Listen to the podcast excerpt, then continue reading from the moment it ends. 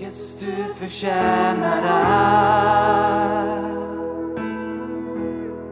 Jesus, du förtjänar allt. För du har skapat allt och allt blev skapat för att du ska få all ära.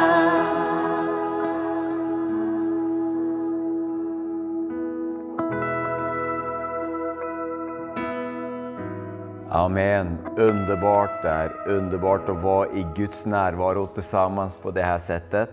Eh, Jag heter Rune Borgsø og kommer ifrån Livets Ord i Uppsala. Och idag så ska vi tala om att komma djupare i Andens flöde. Eh, Jesus säger så i Johannes evangeliet kapitel 3 och vers 34. Den som Gud har sänt talar Guds ord. For Gud ger anden utan begrensning. Kan du tänka deg den helige ande utan begrensning? Og jeg hoppas at du så som jeg har en hunger og en törst etter å komme djupere i livet med den helige ande og lære honom att kjenne bättre. Och låt oss börja med å be tillsammans. Helige Ande, vi takker deg for at du har så mye for oss. Du längtar efter att komma djupare in i våra liv och uppenbara Gud, uppenbara himmelen, uppenbara ordet, uppenbara dig själv och dina gärningar för oss. Och nu ber vi dig Herre i Jesu namn för denne gudstjänst. Vi ber deg for ordet, at det skal öppna vårt inre så vi förstår hur vi kan kliva djupare inn i livet med deg og ditt underbara flöde. Välsigna alle som lyssnar til denne predikan, Rør vid hjärtan å Herre og bare ta oss djupare inn i denne dimensionen som du representerer. I Jesu namn. Amen. Så, så Jesus han taler om at vi kan faktiskt förvänta oss større dimensioner av den helige Ande i våre liv. At Gud gir Anden utan begrensning. David taler jo om Guds kraft og den helige Ande eh, som en flod eh, när filisterna kom opp imot David og, och han fikk liksom gå ut i krig imot dem. Så står det i 2. Samuelsboken kapittel 5 og vers 20. Så kom David til Bal Perasim og der besegrade David dem och er det filisterende. Han sade Herren brøt ned mine fiender framfor meg som en flodvåg. Derav fikk platsen navnet Bal Perasim. Og Bal Perasim det betyder Herren mitt gjennombrott». Og så er det når den hellige Ande kommer i større dimensjoner inn i vårt liv så kommer liksom Guds rike og bryter veg og bryter seg inn der anden verker. Og det gjelder våre private liv, det gjelder våre forsamlinger, men det är, även våre samhällen og vårt land. Og vi behøver mer av den helige Ande. Vi behøver Andens berøring, vi behøver Andens dimensjon og åpenbarelse i våre forsamlinger og i våre liv. För der Anden kommer, der fins Gud. Den helige Ande er Guds nærvaro på jorden. Han er Guds ande. Så når vi berørs av Gud så er det den helige Ande som formedler hans nærvaro. Han kalles jo i Bibelen for Faderens ande. Så når din fader i himmelen rører vi deg på jorden og den kjærligheten, den nærvaron, den herligheten og den kraften du känner, det er den helige Ande. Han kalles even for Jesu ande. Når Jesus kommer til deg og blir virkelig for deg, og du ser konungen i det aller heligaste, ja men da er jo det en berøring som formedles igjennom den helige Ande. Bibelen sier jo at Gud har, liksom, han har eh, delegerat allt till Jesus och sen så administrerar Jesus allt som har med Guds vilja att göra igenom den heliga Ande till jorden.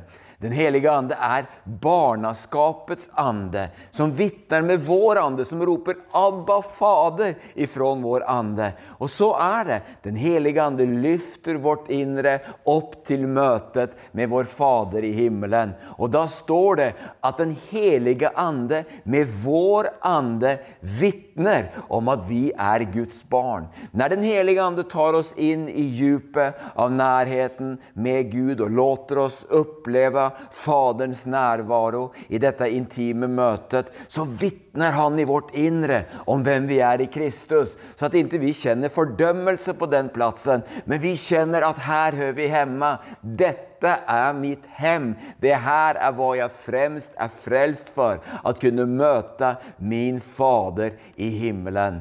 Jeg vet ikke om du har lest Johannes evangeliet kapittel 4, når Jesus har sitt samtale med den samaritiske kvinnen. Og denne kvinnen som ikke har en personlig relasjon til Gud. Hun har sine funderinger om tillbedjan. Och hon säger, ska vi tillbedja på det här fjället hos oss? Eh, eller ska vi tillbedja i Jerusalem, som ni judar säger? Och då säger Jesus till henne att nu är tiden där vi inte ska säga tillbedja här eller där. För de som tillbeder Fadern, de ska tillbeda honom i ande och i sanning, säger Jesus. Det är sådana tillbedare Fadern längtar efter. Och vad menar Jesus med det? Ja, sanningen det är ju såklart att vi har fått en tilgang til Faderens nærvaro gjennom Jesu blod. Hebreerbrevet taler om at vi med frimodighet og djup tilforsikt i våre hjerter skal klive inn i det aller heligste på den vei som Jesus har åpnet åt oss, som er hans eget blod. Det er sanningen,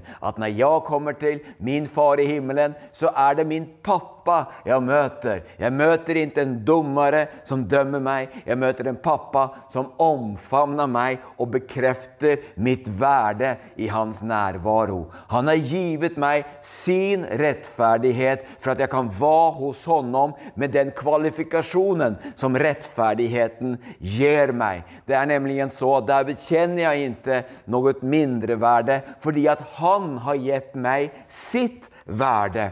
Og det er sanningen jeg kliver inn i tilbedjan i.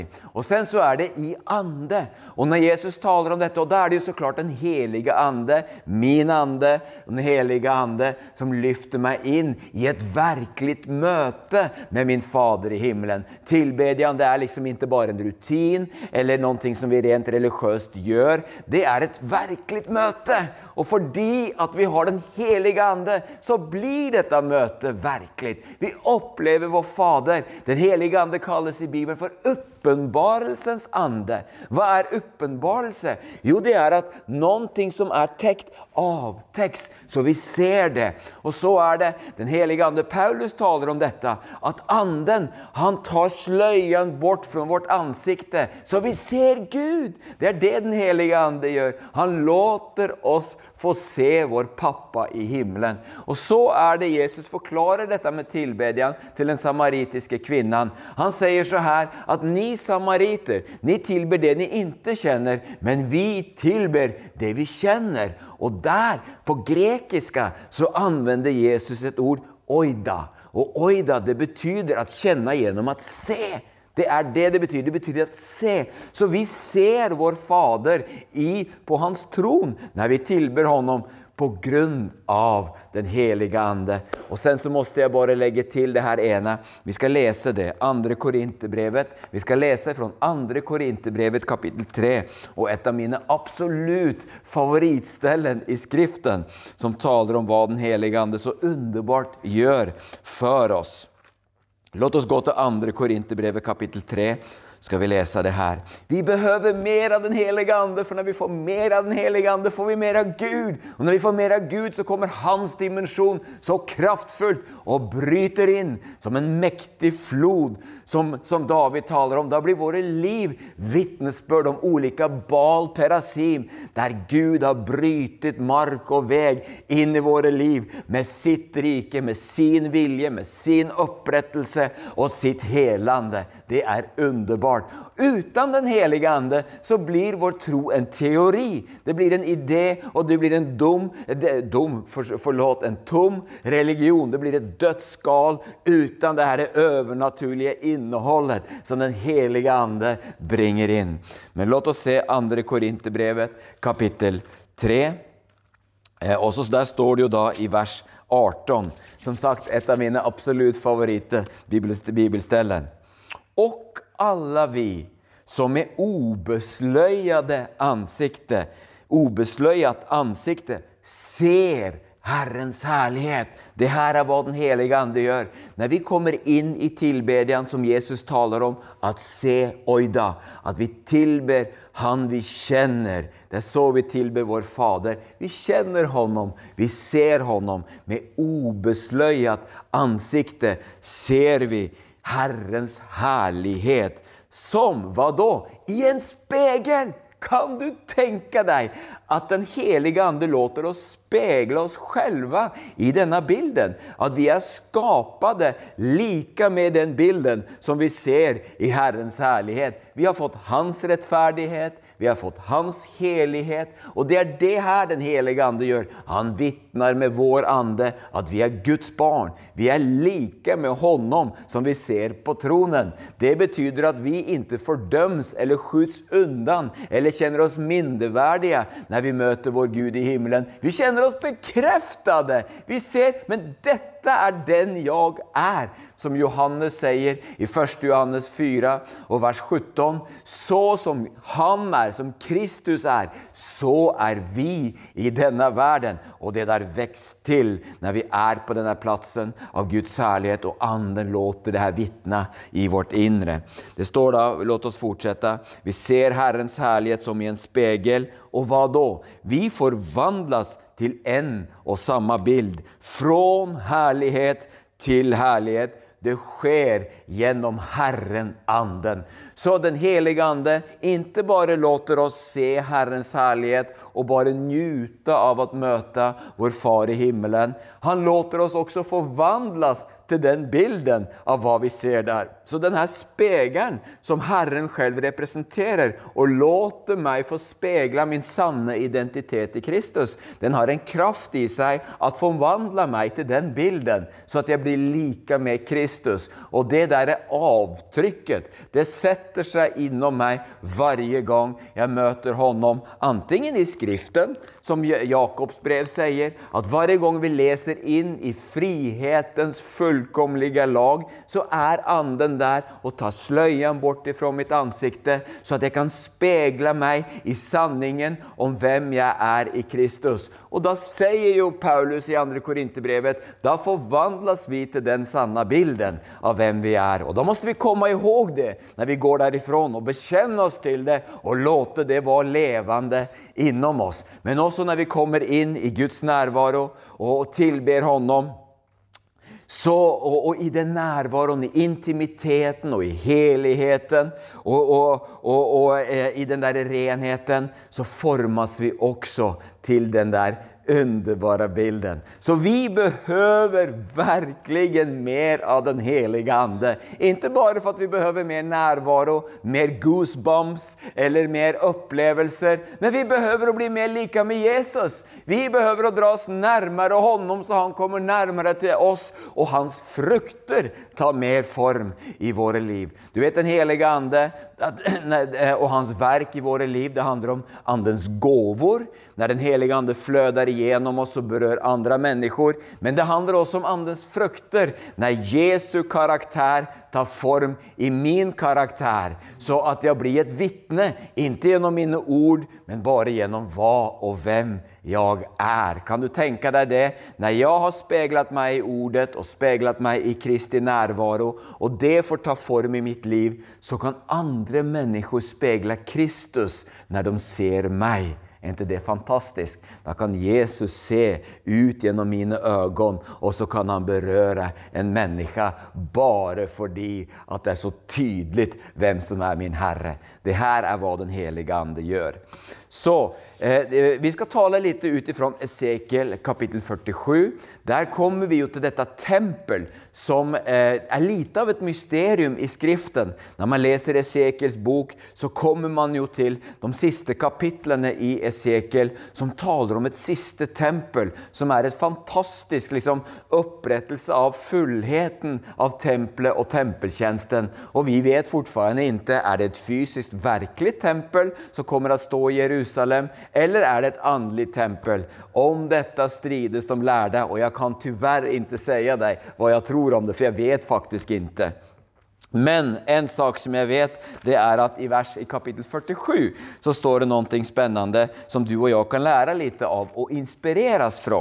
Og det er eh, låt oss gå dit, eh, Esekiel kapittel 47. Skal jeg bare finne det. Esekiel kapittel 47. Her er det altså en, det som kalles for dobbeltstrømmen. Det er en elv, en dobbel strøm, som fløder ut ifrån templet, under templets trøskel, og så fløder det ned ut på tempelplatsen, søder om altaret og så ut och så flödar det ut i den judeiske ørken og ned i Dødehavet. Tempelets eh, fasad er vendt østerut. Og vi skal tale litt mer om hva det der betyder for oss og hvordan vi kan fange opp prinsipper for hvordan vi kan komme dypere i den hellige Ande eh, utifrån dette dessa, detta. Men om jeg leser nå fra kapittel eh, 47 og vers 1 så står det så her. Sedan førte han meg tilbake til husets ingång och der fikk jeg se vatten rinna fram under husets trøskel på østre siden. Så nå er vi altså på østre siden av templet. Om du kommer til Jerusalem og liksom skulle følge med meg nå, der vi skulle kolla på dette her, så er da dette her Morias berg. Templet er bygd på Morias berg og, og det ligger på østre siden av Jerusalem. Och Morias berg var jo dette berg også som Abraham eh, skulle ofre sin sønn Isak på. Og, og, som sagt er da Og da er denne tempelbygnaden den er vendt liksom med ryggen imot Jerusalem og med fasaden østerut mot den judeiske øknen. Og man står ved det templet og så har man eh, blikken da vendt østerut lite söder, öst-söder, altså framfor en så har man Olivberget. Och sen rakt höger, alltså rakt söderut, så har man også det som kalles for Sionsberg. Så her har vi altså på denne siden av Jerusalem så har man tre ulike berg som representerer Morias berg, Tempelberget. Det er Jesus, Sion, det er Faderen selv, og Olivberget, det er den helige Ande. Så vi har altså tre berg som representerer treenigheten. Men her har vi altså en situasjon da profeten Esekiel får se dette tempel. Han ser hvor vatten fløder ut fra utsiden av tempelet, under trøskelen. Og så fløder det utåt. Åtta. Og, eh, jag kan lese lite mer. Sedan førte han meg ut gjennom norra porten och ledde meg fram på en ytre veg til den ytre porten, den som vette åt øster. Der fikk jeg se vatten vella fram fra den sødre siden. Så hva betyder det her? Her har vi altså profeten. Han kanskje står inne i templet og så lenge han står inne i templet så er han torr om fötterna. Men om han kliver ut over trøskelen, ut mot øster, for huvudingången er østerut, så kliver han ut i dette vatten. Og så står det så her at engen tog honom ut på den norra siden og ut gjennom porten til tempelplatsen Og så går han fra norra siden, lengs med muren troligen då och ned på södra sidan och då ser han hur vattnet har kommit söder om altaret, renner ned på södra sidan och så renner det österut ur den judeiska öknen. Og så fortsetter da historien og den taler om hvor da ängeln drar honom. Først liksom 500 meter, 1000 alnar står det, 500 meter og så rekker det här vattnet honom til anklene. Og nå om han vender seg, så er det faktisk 500 meter bakåt til templet. Och så drar engelen honom 500 meter til. Nå er han en kilometer ifrån tempelet. Skrekk og gru sier vi i Norge, Ved og fasa. Vi bør komme litt vel langt bort ifrån forsamlingen her, templet. Men nå rekker det til knærne, og så er det 500 meter til høftene. Og så efter å ha liksom gått et par kilometer bort ifrån templet så är vattnet så djupt att nu bara måste han lägga sig på och simma ut, bara flöda med strömmen. Och det här är en liten uppmuntran till dig och mig. Eh, och liksom vi kan lära det här. Och det första vi måste fråga oss då, vad betyder det att fasaden vetter emot öster? Om man tänker att man ser, står på Tempelberget och ser österut, man har Olivberget, så kommer den judeiska öknen och så kommer Döda havet och sen så har vi nasjonene. Ammonitene, moabitene, edomitene, Hettiterna. Det er nasjoner der ute. Åh, jeg blir så rørt i mitt hjerte. Når Jesus hang på korset, det siste han gjorde, det var å ta med seg en røvere til himmelen. Han har blikken vendt ut mot nasjonene. Og han sa til sine lærjunger at hvorfor jeg er her, det er for å frigjøre er. Anden som har vært over meg, den skal nå komme over er. Hvorfor? Inte for at ni skal sitte kvar inne i det huset og ha en myskalas sammen. Ni skal gå österut mot nasjonene. Og så fort man kliver over tröskeln så kommer man i flödet. Tänk det, så lenge man står inne i templet, halleluja, det er så mysigt men man har torr om føttene. Det er tråkigt. Det er ikke den kristendom Jesus har frelst oss til. Han har frelst oss til et liv i flødet og den helige Ande. Men kjære venn, så lenge vi stenger oss inne innenfor templets mysige, varme, fyra vegger, så kommer vi å være torre om benen. Og kristendommen blir ikke hva Jesus presenterade den at vara. Om vi ser bara i, i, i Apostlagärningarna kapittel 3, 10 og vers 38. Da står det om Jesus? Gud smorde Jesus fra Nasaret med den helige Ande og kraft.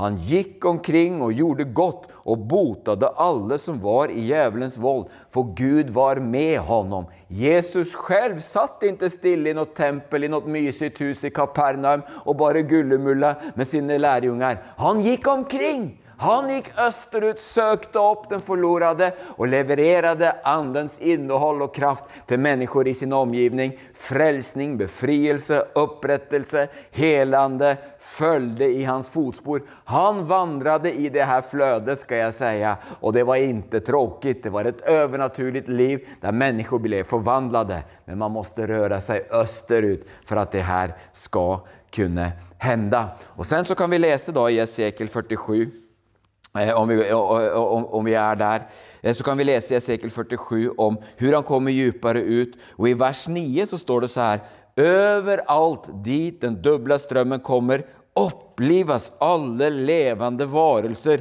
som rör sig i stim och fiskarna blir där mycket talrika. Och nu måste vi förstå att här talar skriften om Döda havet.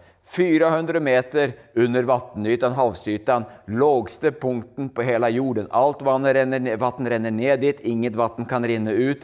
30 procent salt, det er fullstendig dødt. Umulig å ha, inneha liv. Men når den dubbla strømmen kommer ned dit, så väcks även döda havets vatten till liv och fiskar kommer att simma runt där. Det min vän är et mirakel. Og så står det om fiskere som står ut med en Geddi, hvilket er da på vestre siden, lengre søder ut på Dødehavet. Og hele veien norrut så står fiskere og fisker langs med Dødehavet! Det er knapt som man tror det, men det kommer til liv på grunn av det her som er, som er livet i, i, i den dubbla strømmen, som er den helige Ande.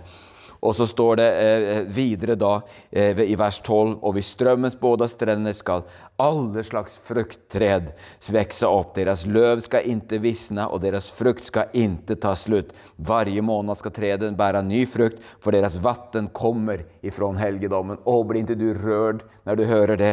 Deres vatten kommer ifrån helgedommen. Deres frukter skal tjene til føde, og deres liv til löv till lekedom. Så det er det här livet kommer ut ur det här flödet, min vän. Och vi har ju inte råd med att inte ha det här, eller hur? Och Gud lockar oss djupare ut i den strömmen. Apostlagärningarna 1 och 8 berättar ju för oss om att Anden kommer över oss för att vi ska bli vittnen Så att vi kan gå ut i den här strömmen och få berätta om Jesus på samma sätt som han gjorde. Nå, hva er da sødre siden? For at østre siden, nummer ett, det er at rikte seg ut imot nasjonene og faktisk begynne gå.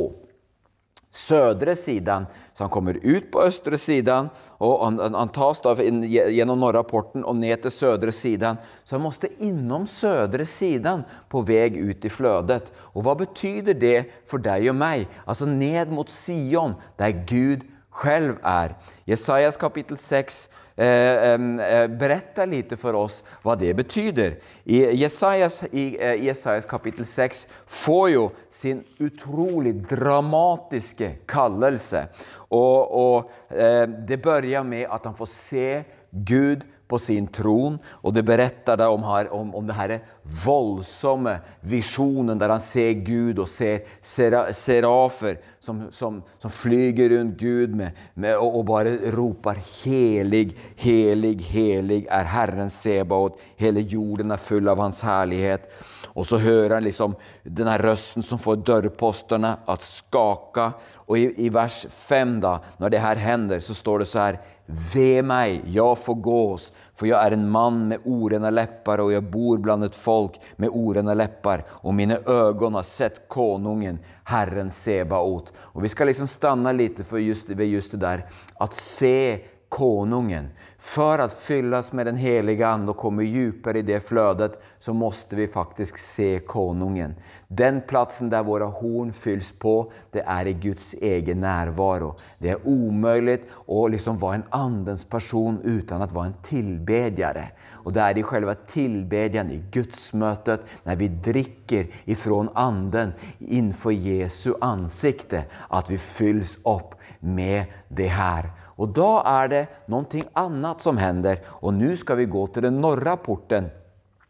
För det som händer med, med, med Jesajas, det är ju det att han inser når han står der og spegler seg i møtet med konungen at han selv er en mann av orene lepper. Og han kommer fra et folk med orene lepper. Og det her er punkt nummer tre som vi på noe sett måtte igenom. Vi måste österut, vi måste inom tillbedjan, gudsmötet, södra porten. Men innan dess så gick ju Jesajas upp genom norra porten. Varför just norra porten? Jerusalem har alltid blivit intaget norrifrån genom den bibliska historien. Och när något annat folkslag, folkslag Jerusalem så var det alltid som en dom på grund av deres synder. Och så är det, Gud måste få lov till att döma våra hjärtan också. Han gör aldrig det på ett sätt som förkastar eller förskjuter oss. Vi känner oss alltid älskade och värdefulla i det mötet. Men som med Jesajas, när han var inför Guds tron så kunde han också spegla at han var en mann av ordrene lepper og kom fra et folk av ordrene lepper. Du og jeg, vi lever i en verd der ute, så som Jesus sier, ni er alt rena på grunn av det ord jeg har talt til dere, men vi måste tvätta våre føtter. Det finns en kontaktpunkt med kulturen där ute som även gör någonting med våra hjärtan. Vi liksom slöas till, vi fanger opp värderingar där ute, vi fanger opp liksom kulturen där ute och så blir vi lite av en produkt av den kulturen där ute. Men du och jag, vi ska ju vara en produkt av kulturen i himmelen. Vi ska inte spegla oss i Netflix eller något annat. Vi ska spegla oss i vår egen faders ansikte och där ska vårt inre ta form. Och då behöver vi komma till den här platsen av inre herlighet og intimitet med Herren der vi kan få spegla og even korrigere våre liv. Og da kommer vi på den der platsen der Guds hjerte blir vårt hjerte. I Lukas evangeliet kapittel 10 så talar Jesus om den barmhertige samariten. Der har vi en historie om en prest som skal opp i templet. Han vil inn i templet og har ikke tid med denne blødende menneska i diket. Og så kommer en levit, samma sak. Han ska in i templet och har inte tid med denna blödande man i diket. Men så kommer då den barmhärtige samariten, samaritanen, och han ser och får ett hjärta hjärta for den blødende mannen i diket. Og her sier Jesus, dette er at elske sin neste. Jeg tror at presten tenkte min neste er inne i templet. Det er mine forsamlingsbrødre og syster. Vi skal fika sammen, vi skal myse til sammen, vi skal tilbede og lyssna til Guds ord sammen. Og han hadde ikke tid med den blødende mannen i diket. Det samme med leviten. Å, vi skal få lov til å fikse alle liksom så her redskap i templet og vi skal putsa på dem og vi skal ha så mysigt og skjønt når vi har vår gudstjänst där inne. Man har inte tid med dessa människor som ligger och blöder i diket. Och där någonstans så finns en kylighet i det kristna hjärtat som inte fångar upp Guds nöd för världen. Och då, min vän, är det lite svårt att kunna flöda i Guds övernaturliga ande. Så vi behöver komma djupare i strömmen. Och en sak som händer då, det är ju inte bara det att Kristus får ta form i vårt inre, men det övernaturliga livet blir mer tillgängligt för oss. Och nu ska inte jag prata om mig själv på något sätt som att jag lever i det här. Det här är en predikan lika mycket till mig, eller kanske även mer till mig än till någon annan. Men det är ändå så att eh, vi kan glädja oss, oss över när Anden verkar. Och för några, år tillbaka, tre, tre veckor så var jag på Färöarna. Och der hadde vi liksom eh, en vecka sammen med forsamlingen der, der vi talade om den helige Ande. Og det var fantastisk å se disse mirakel som Gud gjorde der. Jeg var der også for et år tilbake, og da hadde, fikk jeg bl.a. et kunnskapens ord, det er jo en av Andens nye gåvor. Og da viser Guds eh, ande meg at det fantes et par i lokalen som hadde forlorat et barn.